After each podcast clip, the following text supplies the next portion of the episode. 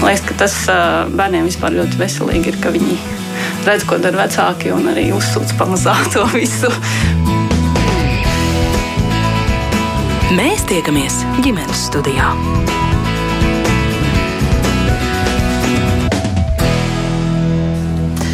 Jā, radījums ģimenes studijā sāk savu skanējumu. Jūs sveicināt tā producenta Sarmīta Kolāta. Mans vārds ir Agnes Linka. Šeit jau esam daudzkārt un gadiem cauri runājuši par dažādām uh, dzemdību pieredzēm, arī par uh, problemātiku, kas Latvijā ir saistīta ar šo jomu. Nesen ir tapis kāds jauns pētījums par uh, dzemdību pieredzi Latvijā. To īstenojas kompānija Norstat, uh, publiciste Agra Lieģa Dolēžko un komunikācijas zinātnes doktora uzņēmēja Olga Procevska, tā autors. Aptaujā no 1440 sievietēm, kas dzemdējušas vismaz vienu bērnu kādā no Latvijas slimnīcām, 36% ir atbildējuši, ka pirms dzemdībām, dzemdību laikā vai pēc dzemdībām ir saskārušās ar negatīvu attieksmi no medicīnas personāla puses. Kāpēc tas tā, ko šī aina reprezentē un vai šajā jomā iespējams arī ko mainīt, par to šai sarunā šodien ģimenes studijā, un tās eh, dalībnieki būs eh, publicisti un pētījuma idejas autori Agra Lieģa. Eģe Dolēško. Sveika! Sveika. Arī Rīgas dzemdību nama galvenā ārsta veselības ministrijas galvenā speciālista ginekoloģijā un dzemdniecībā profesora Dāca Rezeberga. Labdien! Labdien! Veselības inspekcijas, veselības aprūpas kvalitātes nodaļas vecākā ārste eksperta dr. Margarita Puķīte. Un arī psihologs Rīgas Stradiņa universitātes docētājs Rēnis Upenīgs kopā ar mums šodien ģimenes studijā. Labdien! Labdien! Un kā vienmēr arī jūs klausītāji, protams, varat uh, iesaistīties šai sarunā, ja ir kas uh, sakāms, droši komentārus, viedokļus, um, pieredzi, varbūt kādus jautājumus rakstiet ģimenes studijā no Latvijas radio mājaslapas. Um, Agra lūkšu izstāstīt, kāpēc tapa šāds uh, pētījums, kāda ir tā priekšvēsture un tad arī droši vien par rezultātiem. Tā tad nedaudz par priekšvēsturi um, ar šo tēmu. Principā es esmu darbojusies pastiprināti nu jau gandrīz tieši gadu, jo pirmā saruna. Kas pārvērstās pirm, pirmajā publicistikas rakstā, saruna ar trīs sievietēm par viņu dzemdību pieredzi, patiesībā tapa tieši 24. februārī. Mēs toreiz nolēmām šo sarunu neatcelt, jo šķita, ka šī tēma, vardarbība, patiesībā nav tāda, kura būtu atliekama jebkādu iemeslu dēļ. Tātad tā ir tāda Tas ir tāds pirmais solis, un uh, šī uh, Satorija portālā publicētā saruna arī izraisīja diezgan lielas atskaņas medijos. Un, protams, rosināja sievietes uh, aizvien vairāk un plašāk dalīties ar saviem stāstiem. Uh, Un tā kā es esmu arī viena no uh, Instagram projekta My First Year Two auto, autoriem, kur um, sievietes un arī vīrieši, arī mammas un tēti dalās ar saviem stāstiem par pieredzi bērnu dzīves pirmajā gadā. Mēs šajā portālā, kur mums ir aptuveni 5000 sekotāji, nolēmām vienkārši palaist nelielu aptauju, kas bija vienkārši pavisam maza in Instagram aptauja, lai saprastu, vai, vai ir pamats tiešām domāt, ka tā ir sistēmiska problēma, jo mēs saņemam tik daudz šos stāstus un tos visapkārt dzirdam. Un jau šī tāda, tā teikt, neprofesionālā aptauja pierādīja, ka tiešām ir ļoti liels sieviešu skaits, uh, kuras um, atzīst, ka šāda pieredze viņām ir.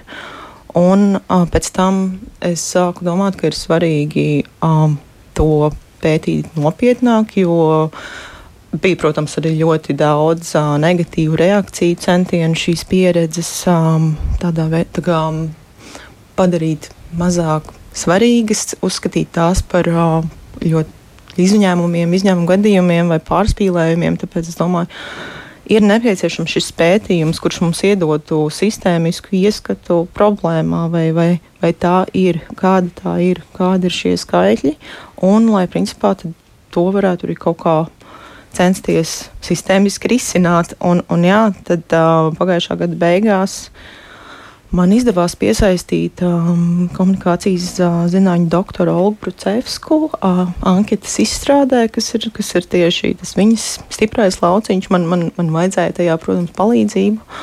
Un pēc tam mēs sākām domāt, uh, kā to realizēt finansiāli, jo tas, protams, nav lēti šāds profesionāls pētījums. Mēs vērsāmies pie vairākām pētījuma aģentūrām un Norstat.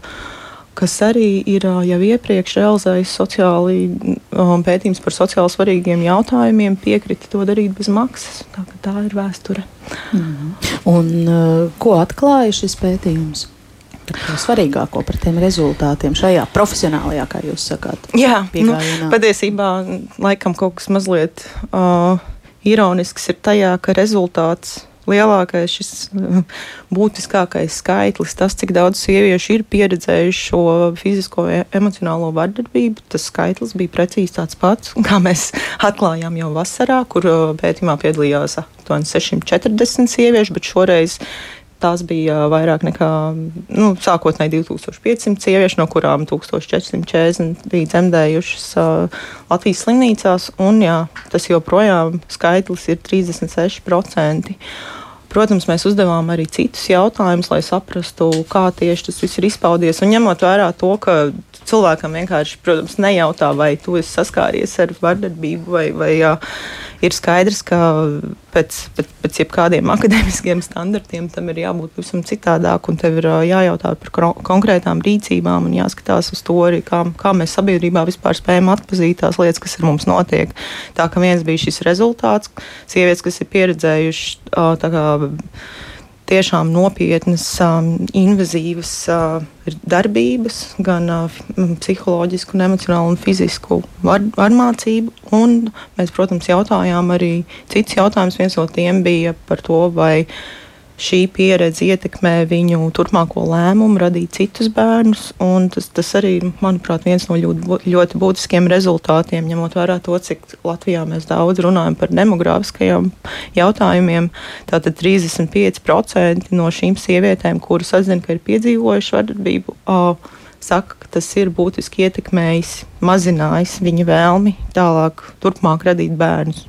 Tātad tās sievietes, kuras būtu vēlējušās bērnus citādākos apstākļos. Protams, mēs arī skaidrojām, kādas, ar kādām tieši darbībām viņas ir saskārušās. Sievietēm bija arī iespēja atbildēt uz šo jautājumu, ne tikai izvēloties atbildžu variantu, bet arī paskaidrojot sīkāk. Un jāsaka, ka man diezgan spēcīgi emocionāli iespaidoja tas, cik, cik daudz arī bija šo konkrēto stāstu, precīzo skaidrojumu, jo pirmkārt sievietes ārkārtīgi labi atcerās visu, kas ar viņām noticis. Un, uh, ir tāda sajūta, ka tiešām ir ilgi gaidīta iespēja par to pastāstīt, jo šie stāsti bija gan precīzi, gan detalizēti un diezgan plaši. Mm. Kas ir tas, ko jūs vispār definējat kā vardarbību um, pētījuma ietveros? Kas ir tās pozīcijas, par ko mēs runājam? Jā. Mēs piedāvājām sievietēm šos atbildžu variantus, respektīvi, tajā ietilpst kliēkšana, palīdzības sauciena, ignorēšana, draudi vai iebiedēšana, melošana un apzināta informācijas noklusēšana, aizvainojoši komentāri par ķermeni, neiejūtīga pieskaršanās un turēšana pret gribu, nesaskaņotas, vairākas nesaskaņotas darbības, bet es vēlētos piebilst, ņemot vērā, ka par šo ir jau bijuši jautājumi. Mēs neuzskatām, mēs nedefinējam kā vardarbību vienkārši uh, informētas piekrišanas trūkumu kā tādu, kas attiektos uz jebkurām darbībām. Mēs to definējam tikai ar ļoti invazīvām, konkrētām darbībām, kas saistītas ar dzemdību procesu, piemēram, neskaņot starpenes iegriešanu. Un, uh, jā, ir arī vēl, vēl pāris citi uh, šī, šie negatīvie komentāri par prasmēm, elpošanas, piešanu, zīdīšanas spējām un uh, negatīvi iebiedējoši komentāri par bērnu veselības stāvokli, kas atstāja smagu psiholoģisku nospiedumu. Mm. Vai uh, ir iemesls pieņemt, teiksim, ka daļa to sieviešu, kas uh, ir piedalījušās kā respondenti šajā pētījumā, ir dzemdējušas uh, kaut kad sen atpakaļ, un tā ir tāda gadiem veca, varbūt ļoti aizvēsturiska pieredze? Um, mums Mums pētījumā nav šī noilguma, bet uh, ņemot vērā, ka, ka šāds jautājums, protams, var rasties, uh, es, es varu precizēt, ka lielākā daļa respondentu bija vecumā no uh, 25 līdz 35 gadiem. Un, uh, Tā kā ir, ir jautājums par to, vai šī nav novecojusi problēma, es varu arī pateikt, ka viens no tādiem satraucošākajiem rezultātiem ir tas, ka vecuma grupā 18 līdz, līdz 24 tieši tika uzrādīts augstākais šis vardarbības pieredzes procents, kas bija 58%. Kā, jā, šāda, šāda konkrēta kritērija nebija, bet vairāki faktori liecina par to, ka tā nekādā ziņā nav novecojusi problēma. Mm. Doktor Ezeberga, gribu dot jums vārdu un jautāt, ar kādām uh, pārdomām jūs uzklausāt šī pētījuma rezultātus. Droši vien esat ar to iepazinusies un kā to komentēsiet. Jā, es teiktu, ka um, problēmas noteikti pastāv. Un pastāv ne tikai pie mums, bet arī visās sabiedrībās, kas interesējās par uh, savu aprūpas sniegšanu un kvalitāti. Un arī gan manis, gan, gan, gan Stradiņu universitātes pētnieki šo problēmu jau esam risinājuši un arī pētījuši. Mūsu dati un mūsu atbildes mūsu pētījumā mazliet atšķirās. Nu, mēs, protams, pētījām noteiktu laika periodu, kas bija saistīts ar Covid pandēmiju. Un, un faktiski mēs ņēmām dalību tādā multicentriskā Eiropas pētījumā. Un par pamatu mēs izmantojām zinātniski aprobētas metodas un arī Pasaules veselības organizācijas izstrādātu anketu. Patiesībā mm, Pasaules veselības organizācija ir pateikusi, kas ir šī pozitīvā pieredze, ko sievietei vajadzētu gūt grūtniecības laikā, dzemdībās un pēcdzemdību periodā kopā ar savu mazuli. Tā kā nu, tie dati ir mazliet atšķirīgi. Kas tur ir atšķirīgs? Kas atšķiras? Nu, mūsu pētījumā līdzīgi, līdzīga definīcija vardarbībai tieši es nevaru teikt, ka atšķirās. Mūsu pētījumā tie ir 17%, nu, kas ir atšķirība. Protams, ka mēs nevaram būt priecīgi, ka 17% tas arī ir, ir daudz. Un šeit nu, man liekas, ka mums ir ļoti daudz ko darīt gan sabiedrībai kopumā, gan mediķiem, gan arī, gan arī pacientiem, jo šo, ir daudz daudzveidīgi faktori, kas šo uh, procesu uh, ietekmē. Mhm. Piekritīsiet, ka medicīnas joma tā ir īpaša, tā ir īpaši jutīga uh, un faktiski uh, lielākoties dzemdības ir uh, fizioloģiska norise kur skats, ka sievietē visvairāk ir vajadzīgas tieši atbalsts, paskaidrošana, emocionāls atbalsts, fiz, fizisks atbalsts. Un, un, un, un tas ir diezgan tālu no, no lielās medicīnas. Man droši vien, kad tādā brīdī, kad ir saslimšana, visi vairāk saprot, kad, kur, kur sākas medicīna un kur, kur beidzās šī aprūpe. Bet tieši fizioloģiskas dzemdības tas ir vairāk um, aprūpas jautājums. Šeit noteikti ir jāskatās tādā vēsturiskā aspektā, no kurienes mēs nākam un kur mēs dodamies, kas ir tās ārstniecības personas, kas šajā procesā ir visvairāk iesaistītas un no, no kurām mēs arī, no, nu, es piemēram, sagaidītu, kas ir tās galvenās ārstniecības personas, kas šajā procesā sniedz šo atbalstu. Un, manuprāt, Latvijā tas ir tāds nenovērtēts mazliet resurss, tā, manuprāt, noteikti ir vecmāte. Um, jo mēs nevaram apskatīt dzemdības at, atrauti no šīs pirmsgrūtniecības perioda, um, no aprūpes šajā laikā, no informācijas un no sagatavotības, kādas, tā, kā, kādas sieviete nonāk dzemdībās un, un, un kā viņu saprot, kas ar, ar, ar, ar viņu būs. Um, otra lieta noteikti ir arī ārstniecības personu um, izglītošanas process. Un tāpēc es teiktu, ka runāt par šo ir labi, bet um, tas, kas um, man liekas, ka būtu ļoti svarīgi, ka šie procesi šīs, šīs atgriezeniskās saites mediķi iegūtu vēl tajā brīdī, kad pacients ir atrodas slimnīcā. Un es domāju, ka šī jomā mums ir ļoti daudz kas darīts Latvijā kopumā, bet es varu teikt arī par dzemdībām. Ļoti svarīgi ir kļuvusi šī atgriezeniskā saite un šīs atbildes pacienta aptaujai. Mēs piedalāmies PREM procesā, ko slimību profilaks un kontrolas centrs ir inicijējis, un kur daudz slimnīcas šo pacienta apmierinātību taujā. Varbūt, ka tur nav šie jautājumi ļoti specifiski tieši cetību palīdzībai, bet kopumā dzemdību namā ir ļoti augsts tas atbildes procents. Nu, līdz ar to nu, tas ir appusējis tāds miedarbības process starp pacientu un ārstniecības personu, kur šie apstākļi un, un faktori faktori noteikti ir, ir jāizrunā. Jāceļ gaismā, jāizrunā. Jā, jā. Vai jums ir gan, gan agri jums, gan jums tāds skaidrība vai kaut kāda nojausma, kāpēc vienā gadījumā 17%, vienā 36%? Um, tā kā tika veidots um, viens preses materiāls par tieši šo metodoloģijas tēmu, um, man arī bija iespēja iepazīties ar, ar šo, šiem aptaujas jautājumiem, otram pētījumam un, un šī pētījuma eksistenci. Um, cik es saprotu, jā, mums tā definīcija bija ļoti, ļoti līdzīga, bet es, es, man šķiet, formāts bija mazliet atšķirīgs. Tur bija um, jautājums, vai jūs esat saskārušies ar šīm rīcībām, un tad iekavās ielikt šie dažādie, šī, šīs dažādas darbības. Un tad atbildes variants, ja, ja nemaldos, tad ir jā, uh, dažreiz. Vai nē, es, uh, es neesmu. Es domāju, tas, protams, būtu drīzāk jautājums manai kolēģei Olgai, bet mēs diezgan apzināti uh, devām iespēju kā, atbildēt ar, ar šiem. At, norādīt šos atbildžu variantus, kas ar tevi tieši ir noticis.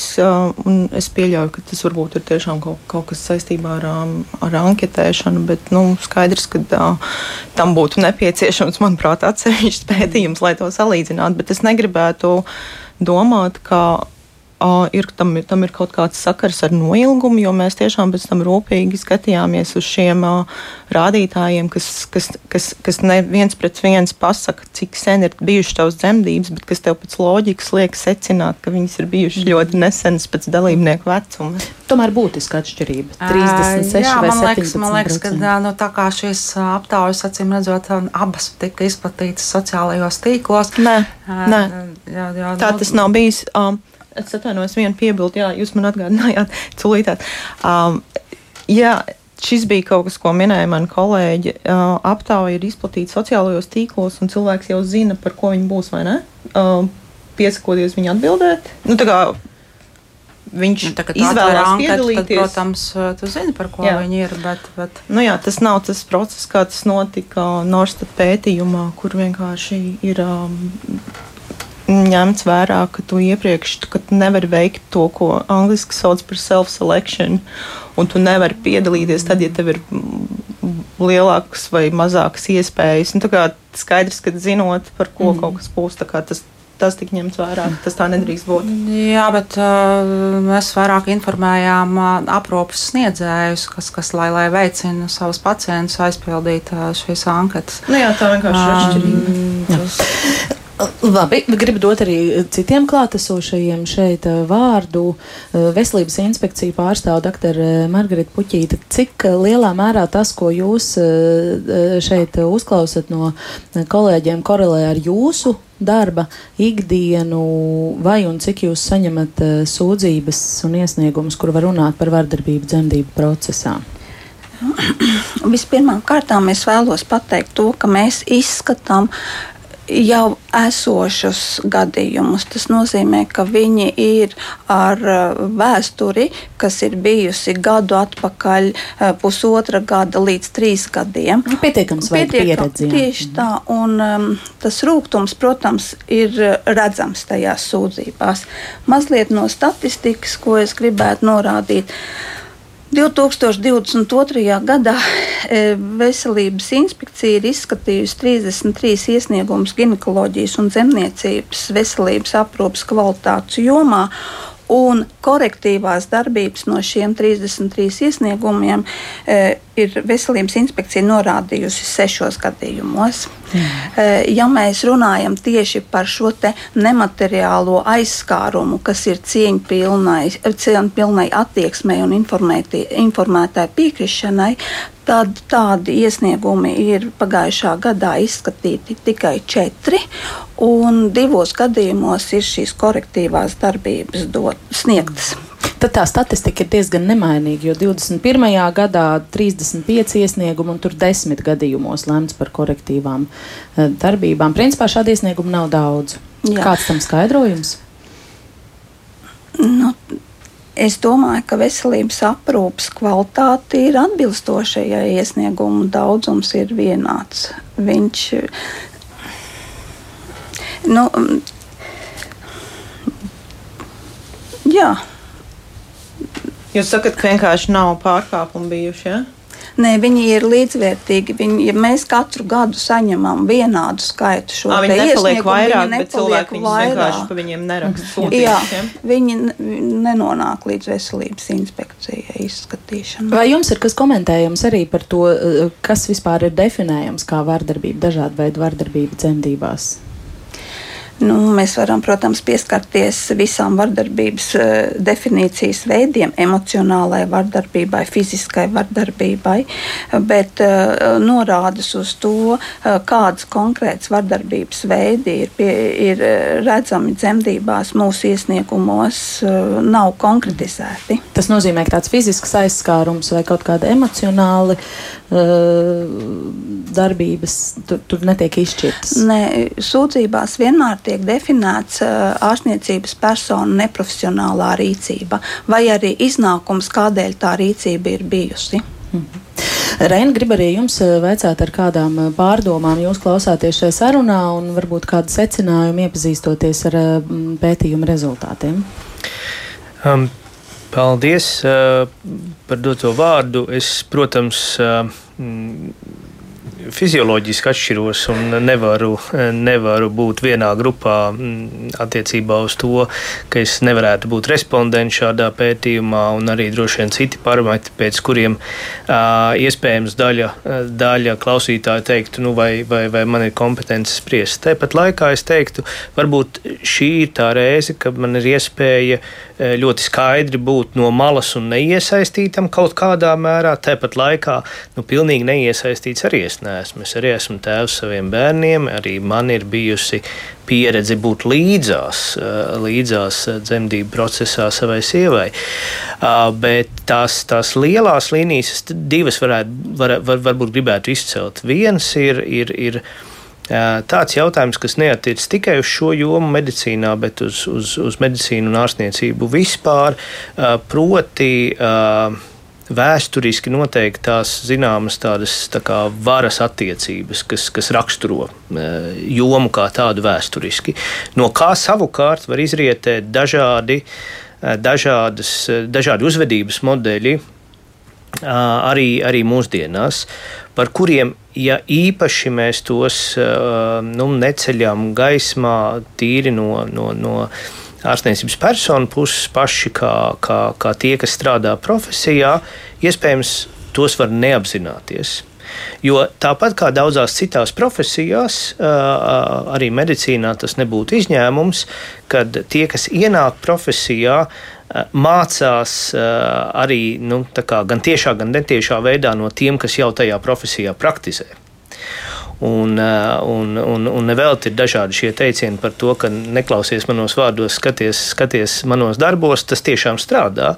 Un, un ja ir reizēm tā atšķirības starp to, kā varbūt tiek, tiek proklamēts, kā, kā mēs lietas darām, atšķirība no tā, kā mēs tiešām darām, tad spēcīgāks nospiedums arī uz jaunajiem kolēģiem profesijā ir caur to, kā mēs tiešām darām. Tas ir tā, tāda viena līnija, ko es gribētu uzsvērt, kāpēc varētu būt nu, mana daļēji atbild uz to, kāpēc tas iet cauri gadiem un kāpēc, nu, kāpēc tur varbūt nav tādas ļoti lielas tās, tās, tās, tās pārmaiņas. Uh, jā, un, uh, un, un uh, Un otra, uh, otra lieta droši vien arī par tām gaidām. Un, uh, ja nemaldos, kolēģis noteikti man var labot, ja es, ja es maldīšos ar, ar, ar precīziem vārdiem.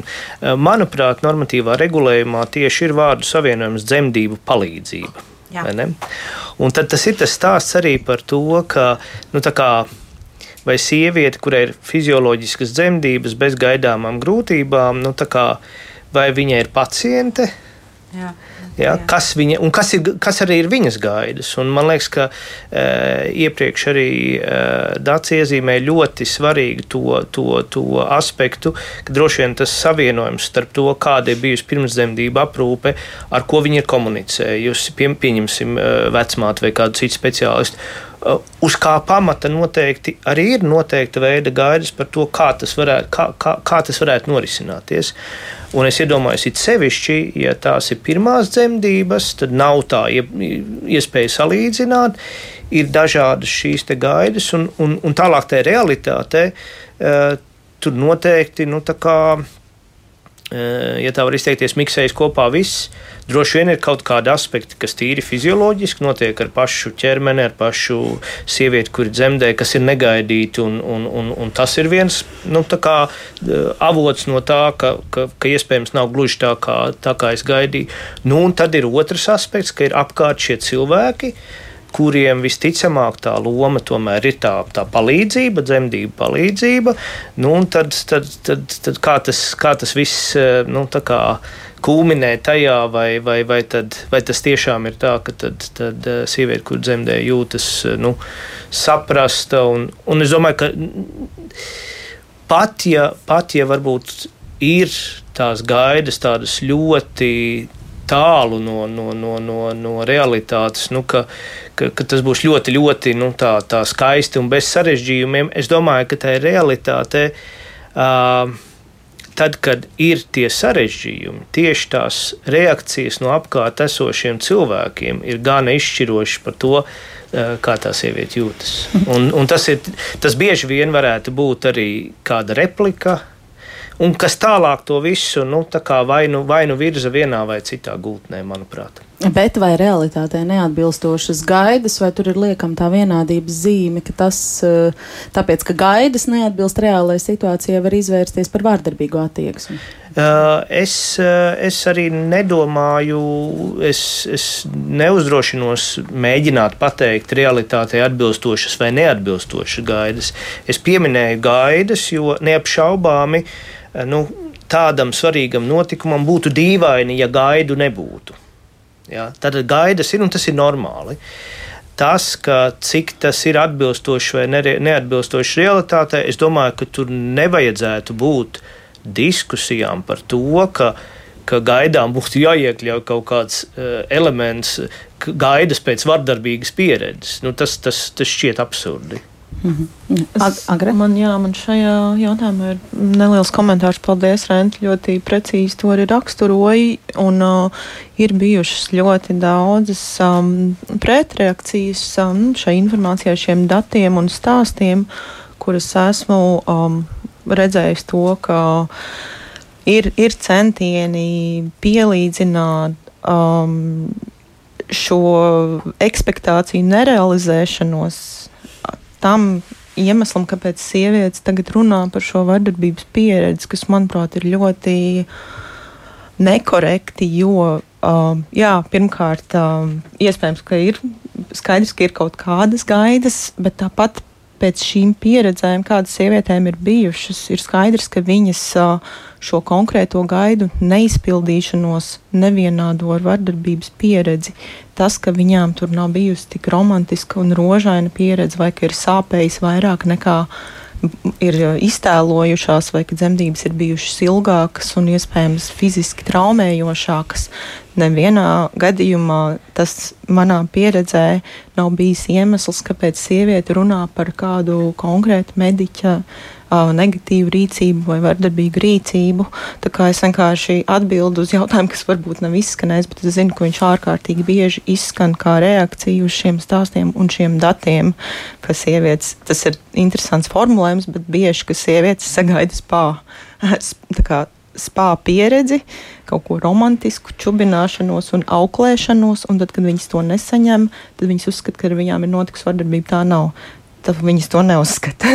Neviena no sievietēm, kas ir atbildējusi uz šiem jautājumiem, tā nav uzskatījusi. Uh, tur ir pilnīgi citi faktori, procesi, kas ir notikuši, rīcības, kas ir veiktas, uh, kuru rezultātā ir tādi dati, kādi viņi ir. Mm -hmm. Kā jūs uh, komentētu to, ko teica kolēģi no Veselības inspekcijas, ka tā ārstniecības uh, kvalitāte, tā tad uh, atbilstošā, ārstniecība ir atbilstošā kvalitātē, tāpēc to iesniegumi ir nu, nosacīti maz, jo tas, par ko liecina dati vienā un otrā pētījumā, tie tomēr varētu būt simti to ļoti negatīvo pieredžu. Mm, ņemot vērā, ka es esmu pētījusi arī šo veselības inspekcijas sūdzību izskatīšanas procesu, kā arī ārstniecības riska fondu darbības var no nu, jau šiem iepriekš veiktajiem kā, um, neteiksim, pētījumiem, šīs iepriekš veiktās izpētes un sarunām teikt, ka tur ir vairākas problēmas. Uh, pirmkārt, uh, šie rādītāji uh, kopumā, kuros tiek veikts korektīvās darbības, ja nemaldos, pēdējais vidējais rādītājs uh, veselības inspekcijas sūdzībām bija aptuveni 9%, kas, manuprāt, uh, nav iedrošinoši tam, ka ir kāda jēga vispār iesniegt sūdzību. Un otrkārt, ir uh, zināms, ka uh, šīs sūdzības tiek izskatītas sask saskaņā ar uh, iesniegumu likumu, kas principā ir likumdošanas kļūda. Patiesībā es zinu, ka vismaz tādos gadījumos, kad cilvēki ir cietuši nopietnas traumas un vērš, vērsušies arī pie advokāta pēc konsultācijas, viņiem principā tiek ieteikts nevērsties veselības inspekcijā ar sūdzību, jo ņemot vērā šo likumdošanas kļūdu, saskaņā ar kuru tiek izskatītas šīs sūdzības, viņiem negatīvas sprieduma rezultātā vairs pat nav iespēja pārsūdzēt, un šis negatīvais spriedums varētu tikt arī izmantots ārstniecības riska fonda procesā, ka, ja viņi vērsos pēc kompensācijas. Es domāju, ir daudzi iemesli, Un tā vietā, lai uzskatītu, ka vienkārši šo nodarījumu nav, kāpēc cilvēki varētu vienkārši izvēlēties to nedarīt. Un, protams, konkrētajā gadījumā, kad tev ir piedzimis bērns pēcdzemdību procesā, ja šis process ir, ir bijis traumējošs, ļoti bieži arī šajos my first year stāstos es esmu dzirdējis, ka sieviete vienkārši grib to aizmirst un aiz, atstāt aiz muguras un dzīvot tālāk un vienkārši neuzkavēties ilgstoši šajās atmiņās. Tā, kā, tā es to skaidrotu. Mm. Doktor, kā jūs teiktu, vai, vai emocionāla vardarbība vai cietsirdīga izturēšanās, ja tā neatstāja fiziskas sekas, vai tā ir pierādāma? Grūti pateikt, nu, droši vien, kad ir pierādāmi, jo nu, mums lielākā daļa pacientu nāk kopā ar saviem atbalstošajām personām. Un, un, un tas ir izstāstāms. Bet es gribēju paskatīties uz vēl vienu aspektu, uz dzemdību palīdzību, kad no tāda pavisam medicīniskā skatu punkta starp normu un pilnīgu patoloģiju ir viens solis. Un e, šeit um, ārstniecības personas skaidrs, ka rīkojās gan mātes, gan bērna uh, veselības interesēs. Un šis laiks labai sarunai, informētai piekrišanai varbūt reizēm ir tik ļoti trūcīgs. Ja mēs zinām, ka mēs varam rīkoties, saņemot arī mutisku apstiprinājumu, um, rīkoties un darīt, un, un, un, un mēs darām. Un šeit atkal atgriežoties pie iepriekš teiktā, cik ļoti svarīgi būtu izrunāt šo situāciju jau pēc tam, kad bērniņš ir piedzimis, lai būtu sapratni par tiem soļiem, ko tā ārstniecības persona ir darījusi. Tāpēc, ka skaidrs, ka tajā brīdī viss ir stresā, mamma ir stresā, tētis ir stresā, mediķi saskrien iespējams, ka vairāki kopā, tāpēc, ka situācija ir jāatrisina un nevienmēr to atrisināt ir gan neviegli, ne arī, ne arī ātri iespējams. Jā, un, un, uz risku liktas ir divas dzīvības. Bet par informēto piekrišanu es domāju, ka tas ir gan specifiski, par to mēs tomēr citreiz. Jā, bet tas arī ir, par liekas tiem... par, par um, epizotomiju un vakumu, vakumu ekstrakciju, kad nu, ātrumā tu nesaproti, kam tu piekrīti un kā tas vispār ir. Vai arī, piemēram, rupjiem vārdiem ignorēšanu, ka ilgstoši sauc pēc palīdzības neviens nenāks. Domāju, ir diezgan daudz plašs spektrs, kas ir ārpus šīs informētās piekrišanas un konkrēti invazīvu darbību veikšanas. Mm. Nu, jā, mēs runājam par tiem procentiem, kas ir negatīvie komentāri, 36, cik tur procenti pārmetumi par elpošanas, spiešanas vai zīdīšanas vai bērnu aprūpas prasmi trūkumu, e, ignorēt palīdzības saucienu, kliekšanu un draudu. Vai tās ir piela, pierādāmas lietas? Veselības inspekcijas pārstāvēja jautāšu, vai jums ir bijuši tādi gadījumi, kad kāds ir par to sūdzējies un ir, ir tas apstiprināts? To taču nevar pierādīt. To nevar pierādīt, jo veselības inspekcija uh, lietas izskatīšanā izmanto tikai medicīniskos dokumentus. Un, um, es varbūt mazliet negribētu piekrist tam, kad eh, mēs esam pakļauti tikai iesnieguma likuma eh, laika intervāla izskatīšanā, mēs savā praksē pielietojam uz pētījumiem balstītās medicīnas atziņas, kurā mums ir skaidri definēts, kā tādā uh, situācijā ir jārīkojas ārstniecības personai. Mm. Bet, uh, kāds tas jūsu ieteikums tad varbūt, uh, ja sieviete ir izjutusi to, Eh, ko mēs eh, klasificējam kā vardarbību dzemdībās, bet tam nav to kaut kādu fizisko seku. Ir vispār jēga vērsties ar iesniegumu, piemēram, veselības inspekcijā. Nu, tas, ko varbūt arī iesāka Rēnis, ir atbilde, kā mēs to darām. Tāpēc veselības inspekcija, protams, vēlas aicināt uh, izskatīt šo gadījumu katrā ārstniecības iestādē tajā brīdī, kad tas ir noticis. Un uh, pats nozīmīgākais ir šo situāciju izskatīšanas gaitu ir nepieciešams dokumentēt. Jo, ja tomēr šī sieviete griežās veselības inspekcijā, tad, protams, mums ir šī dokumentārā pierādījuma analīze, un mēs to varam e, izskatot, atkal sniegt šīs korektīvās darbības ārstniecības iestādē, norādot to, kā tas ir rīkojumu, kā tas ir bijis eh, tajā situācijā. Mm. Jo ar noilgumu tas ir ļoti sarežģīti izdarāms. Mm. Vai šīs eh, pacientu pieredzes, kuras jūs saņemat dzemdību namā, jautājot, eh, šķiet, mājaslapā ir tā iespēja speciāli ja meklēt, tad atrod un aizpildā pieredzes anketu. Ko tās liecina par, par, par šī veida pieredzēm? Speci speciālists, pacientu tiesību, ne, pieredzes speciālists. Jā kas tad arī šo pieredzi analizē. Un, un, un, Kādi tur ir tie dati? Teiksim? Cik daudz sieviešu tur atzīst, ka viņas ir piedzīvojušas kaut ko ļoti nepatīkamu? No nu, īstenībā laikam vairāk ir par komunikāciju, par, par neskaidrību, par, par domas pēctecību.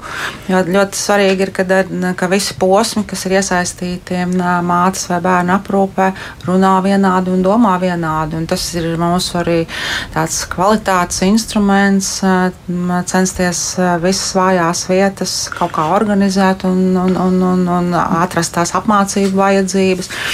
Jo, jo arī mūsu anketā bija atvērtie jautājumi. Un jāsaka, ka visvairāk um, atvērtajos jautājumos domas dalījās par krūts zīdīšanas uzsākšanu, atbalstu, informāciju un, un, un, un, un tam līdzīgi. Mhm. Līdz ar to nu, es teiktu, ka tā ir tāda iestādes kultūra un visur, kur ir šīs dzemdību nodaļas, nu, ir jāsaprot, ka, ka tā nav tikai medicīna, bet tā ir arī šī aprūpe, palīdzība. Mhm. Bet nu, cik procenti tajās jūsu dzemdību nama pieredzes anketās atzīst? Atzīst, ka, piemēram, līdzīgi kā agras pētījumā 36% vai jūsu universitātē veiktajā 17% ir saskārušās ar negatīvu attieksmi no medicīnas personāla puses? Es teiktu, ka kādu 10% varbūt. Mm -hmm. jo, kā jūs tālāk iestādē to risinat? Kā tur tā izsakojamība? No katrā ziņā mēs, ja tur ir nosaukts ārstniecības personas konkrēts, tad tie notiek pārunas ar ārstniecības personām. Un arī mums ir kopēji mēķi un uzdevumi katru gadu. Un, piemēram, šogad tūlītās beigsies viens liels pasākumu kopums, kas bija saistīti ar, ar komunikāciju dzemdībās, tieši um, vēršoties fokusējoties vairāk uz šo atbalstu sniegšanu un, un to, kā mēs sniedzam informāciju. Tāpēc, kad um, arī mums ienāk kādreiz arī rakstiskas sūdzības, skaidrs, ka viņas lielā mērā ir balstītas uz komunikācijas mm. dažādām kļūmēm un, un, un mm. problēmām. Agri piekrītat, ka tās ir komunikācijas problēmas? Kaut kādā mērā, protams, tā ir, tas ir komunikācijas kultūras jautājums primāri un, un, un šīs, šo, šo savstarpējo attiecību, kad ir iestājās kaut kādas varas attiecības un, un, un kas šajā dzemdību kontekstā izpaužās īpaši, manuprāt, ekstrēmi, kur viens cilvēks ir šajā varas pozīcijā, un otrs ir ļoti ievainojamā, fiziski un emocionāli ievainojamā stāvoklī. Es domāju, ka tur, tāpēc mēs arī īsi, īsi sakot, man liekas, ka šī, šī ir tā situācija, kurā ļoti labi izpaužas kopējais mūsu komunikācijas līmenis sabiedrībā, jo šī ir ļoti ekstrēma situācija tādā ziņā, kur viena cilvēka ievainojamība ir ārkārtīgi liela, ja tā notiek, Un, jā, šeit mēs redzam šo komunikācijas kultūru. Kā, protams, to lielā mērā var dēvēt par komunikācijas jautājumu, ja tev šķiet, ka tu drīksti atbildes reakcijā uz šī, šī pacienta lūgumiem vai saucieniem nereaģēt vai būt rupšs teikt kaut kādas negatīvas lietas, apzināti, tu, par kurām tu zini, ka tās cilvēku var negatīvi ietekmēt. Jā, tā ir komunikācijas kultūra. Bet man ir viens jautājums, ja drīkst. Jums ir arī informācija par to, cik daudzas dzemdējušās sievietes vispār aizpilda šīs anketas? Kaut kāda statistika par to? Jā. pār par 60%. Jā, mums, mm -hmm. ir diezgan, mums ir ļoti vide, kur visu darbu var noskanēt un, un, mm un, un ļoti, ļoti labprāt aizpildu šos jautājumus. Un tas sievietēm tiek teikts, kā pie izrakstīšanās, vai uzreiz viņas Jā, šī informācija visur vidē atrodama. Mm -hmm. mm -hmm. Bet nav tā kā bērnu slimnīcā, kur viņi piesūta, piemēram, aizpildiet lūdzu anketu par ambulatoro pieredzi. Nesat apsvēruši tādu iespēju? no, mums ir arī rakstiskās anketas. Tas ir uh, cilvēki, kas, kas nedraudzējās varbūt tik ļoti ar elektroniskajiem mm. rīkiem, arī var aizpildīt um, rakstiskā veidā. Mēs esam ļoti bagāti caur to, un, un, un, un, un, un tas palīdz arī uh, ieraudzīt nosodīt labākos darbiniekus, tāpēc ka nu, nu, ne, ne tikai nosodošā puse, bet arī nu, tāda atzinīga. atzinīga. Tas arī ir ļoti svarīgi. Agri iezīmējās kaut kādā mērā tas, cik daudz tā ir varbūt galvaspilsētas, lielo dzemdību iestāžu pieredze vai arī reģionos. Tie procenti kaut kā atšķīrās par to negatīvo pieredzi runājot. Mums nav, mums nav šāds uh, iedalījums konkrēti skatīts, jo, protams, to ir iespējams secināt, uh, jo tas ir viens no jautājumiem, ko, ko uzdod ši, šajā Norstat anketā. Taču uh, sarunā ar šiem Norstat pētniekiem viņi teica, ka uh, šobrīd uh, reprezentatīvi būtu runāt vienkārši par vispārējo problēmu visā valstī. Latvijā. Tā kā to mēs tagad. Uh, Jā, Jā. Neskar. Viens aspekts, kas interesants parādās, par ko gribu Reinam arī pajautāt, uh, visā šajā diskusijā man šķiet ļoti akcentējami ir tas, ka tā ir eh, sieviešu attieksme pret eh, sievietēm, jo dzemdē sievietes un eh, dzemdību palīdzībā arī lielākoties procentāli tomēr strādā sievietes, tīpaši, ja mēs runājam par dzemdētājas vecmātes attiecībām. Kāpēc, kāpēc tas tā vispār ir? Nu, te noteikti varētu tiešām, ja tā, saka, iet, iet dziļumā ļoti. Diez, vai, diez vai to ir iespējams izdarīt tādā īsā laikā. Un, un, un tomēr es varbūt riskēšu tādus nu, virzienus iezīmēt, proti,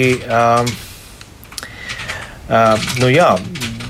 Es domāju, ka vairums, vairums cilvēku tomēr ar to, to savu dzimuma identitāti, pat ja, pat ja ne, ne, ne katru dienu tā apzināti domā, bet nu, tā, tā ir klātesoša. Līdz ar to tas arī ir stāsts par to, ko man kā uh, piederīgam, uh, piemēram, sievietes dzimumam, nu, kas, kas, kas, kas, kas, kā, jā, kā lietām jābūt.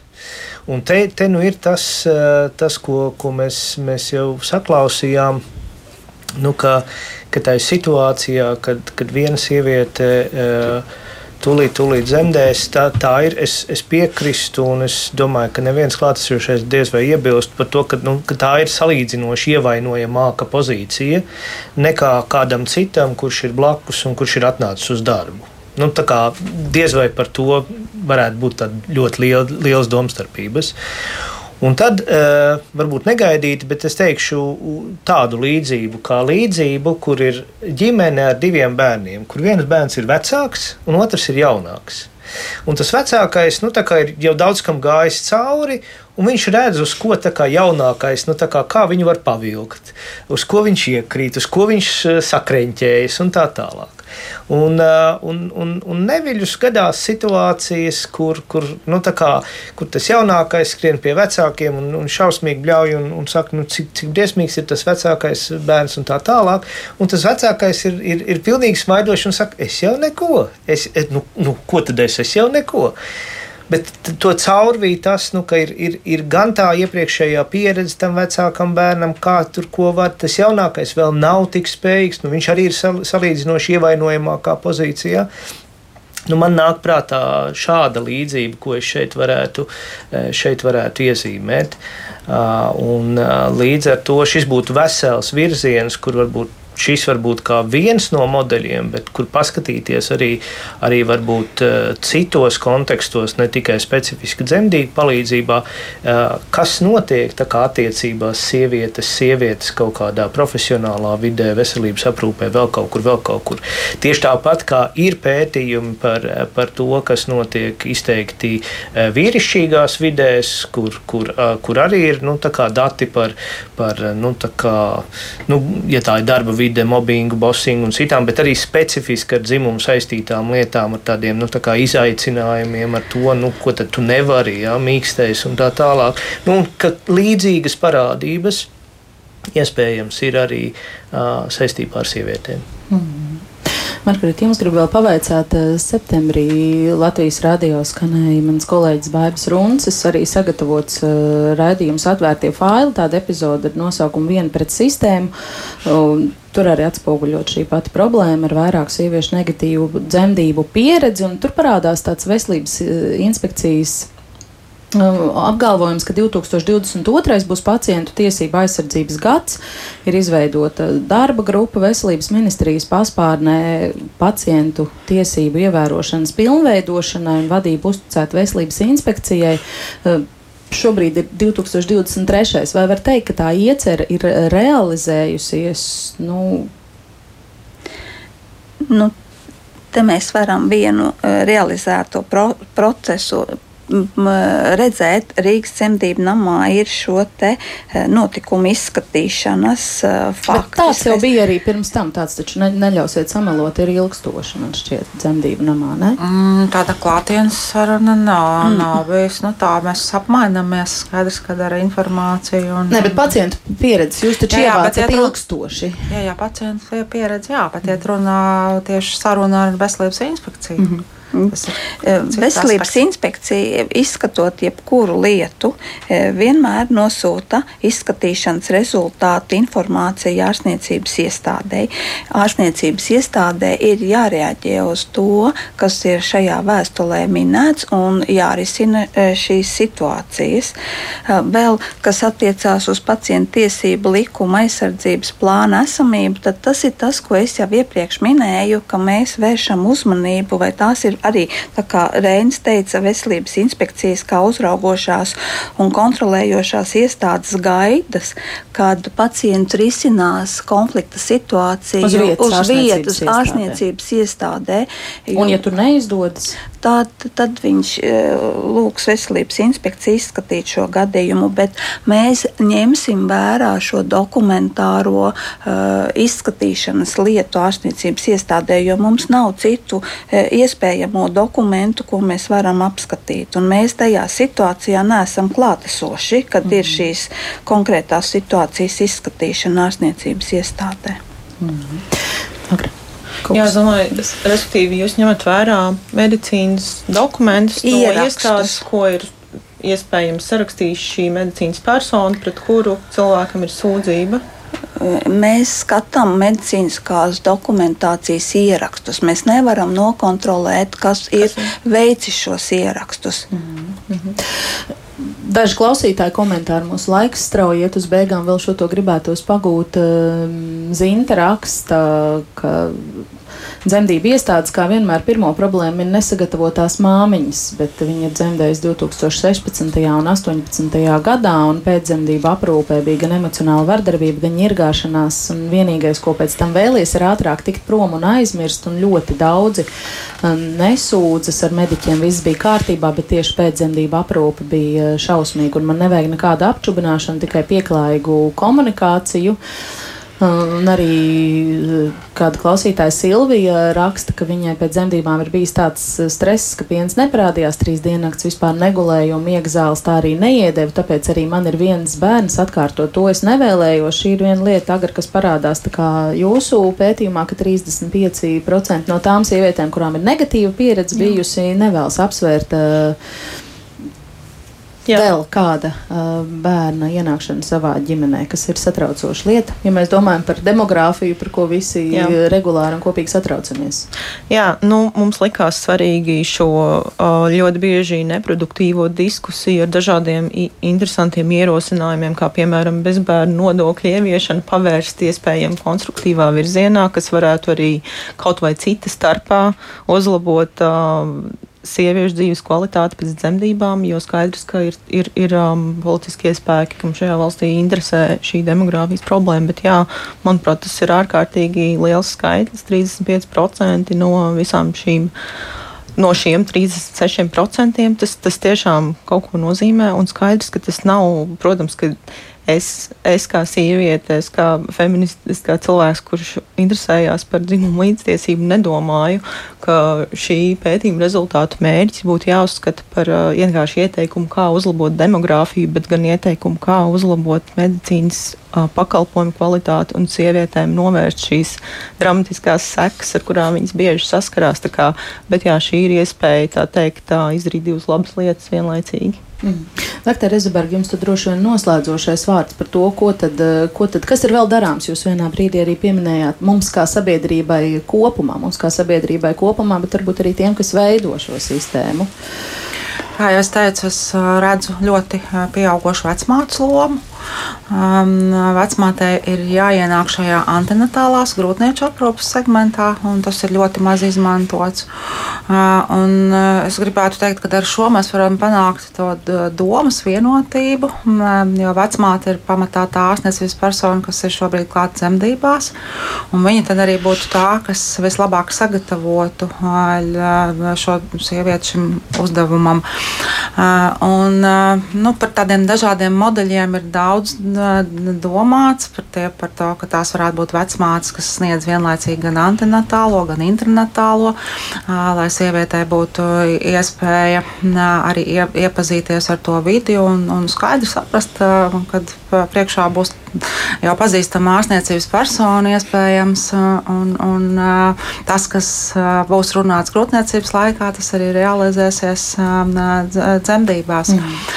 Tad man liekas, ka dzemdību palīdzība būtu izcila, lai, lai pievērstos šim vērtībās balstītam apmaksas principam, jo es redzu, ka, un dzirdu, ka tas sāksies kardioloģija būs pirmā nozare, kurā šis tiks aprobēts, tad zemniecība, man liekas, ir izcila. Jo viņai ir sākums, viņai ir beigas, viņai ir izmērāms rezultāts. Un skats, ka šī pa, pacienta labbūtība dzemdībās, man gribētu lietot šo vārdu, tas ir viens no nozīmīgiem faktoriem, kas pasaka, kāds ir tas rezultāts. Tātad medicīna, labbūtība veido rezultātu, un tas ir prizma, caur kuru mums noteikti ir jāskatās visiem. Agri piekrītat? Jā, manuprāt, tā ir izcila ideja. Es domāju, ka tas ir viens no iemesliem, kāpēc tik daudzas sievietes cenšas šobrīd izvēlēties šo maksas pakalpojumu ar līgumu vecmātēm sadarboties, jo viņas tiešām vēlas šo drošības sajūtu, ko varētu radīt pazīstams cilvēks, ar kuru tev ir bijis iepriekš kontakts un ar kuru tev ir kaut kāda sajūta, ka viņš varētu saprast. Kā, kā rīkoties kopā ar tevi šajā situācijā. Man tas liekas izcils ierosinājums veidot šo, šo sistēmu, kurā arī bezmaksas valsts apmaksātajā medicīnā sievietei būtu pieejama šī iespēja jau laikus iepazīties un, un strādāt kopā ar šiem veselības aprūpas speciālistiem. Bet tie speciālisti, kas šobrīd varbūt, nu, piedodiet par grēku ar necienīgu izturēšanos, viņi varētu būt laipnāki pret saviem pacientiem, tāpēc kā ātrāk iepazīstas. Redz, atkal par ne, man liekas, ka laika, nu, tas palīdzētu piepildīt tās gaidas, jo tas, ko stāstīt un solīt un ar ko būt informēta antinatālās grūtnieču aprūpas laikā, tas realizētos arī dzemdībās, jo mums ļoti pietrūkst šī um, informācijas pēctecība. Katrs posms mazliet saka kaut ko, kaut ko citu. Līdz ar to tā sagatavošanās būtu pilnvērtīgāka un atbalsts noteikti pilnvērtīgāks. Un, ja tu, teikums, jā, Un, ja tu arī šī pirmsdzemdību aprūpē saskries ar cilvēku, kurš tad jau pret tevi izturās necienīgi, tev droši vien būtu kaut kādas izredzes vēl nesot dzemdību procesā par to brīdināt apkārtējos. Paldies visiem sarunas dalībniekiem. Šodien ģimenes eh, studijā bija Dācis Rezeberga, Agra Lieģida, Ležko, Margarita Puķīta un Reinis Upenieks eh, un rādījumu veidojas Armīta Kolāta pie skaņpults Jana Drēmena pie mikrofona Agnes Linka. Arī ģimenes eh, studijā runāsim par to, ka vairums mūsdienu mazuļu jau līdz divu gadu vecumam ir paguvuši iepazīties ar kādu no ekrāna ierīcēm. Speciālisti aizvien nepagurstoši atgādina, ka tik maziem ierīču lietošana nebūtu vēlama, tāpēc rīt uzklausīsim par ekrāna satura ietekmi uz maziem bērniem.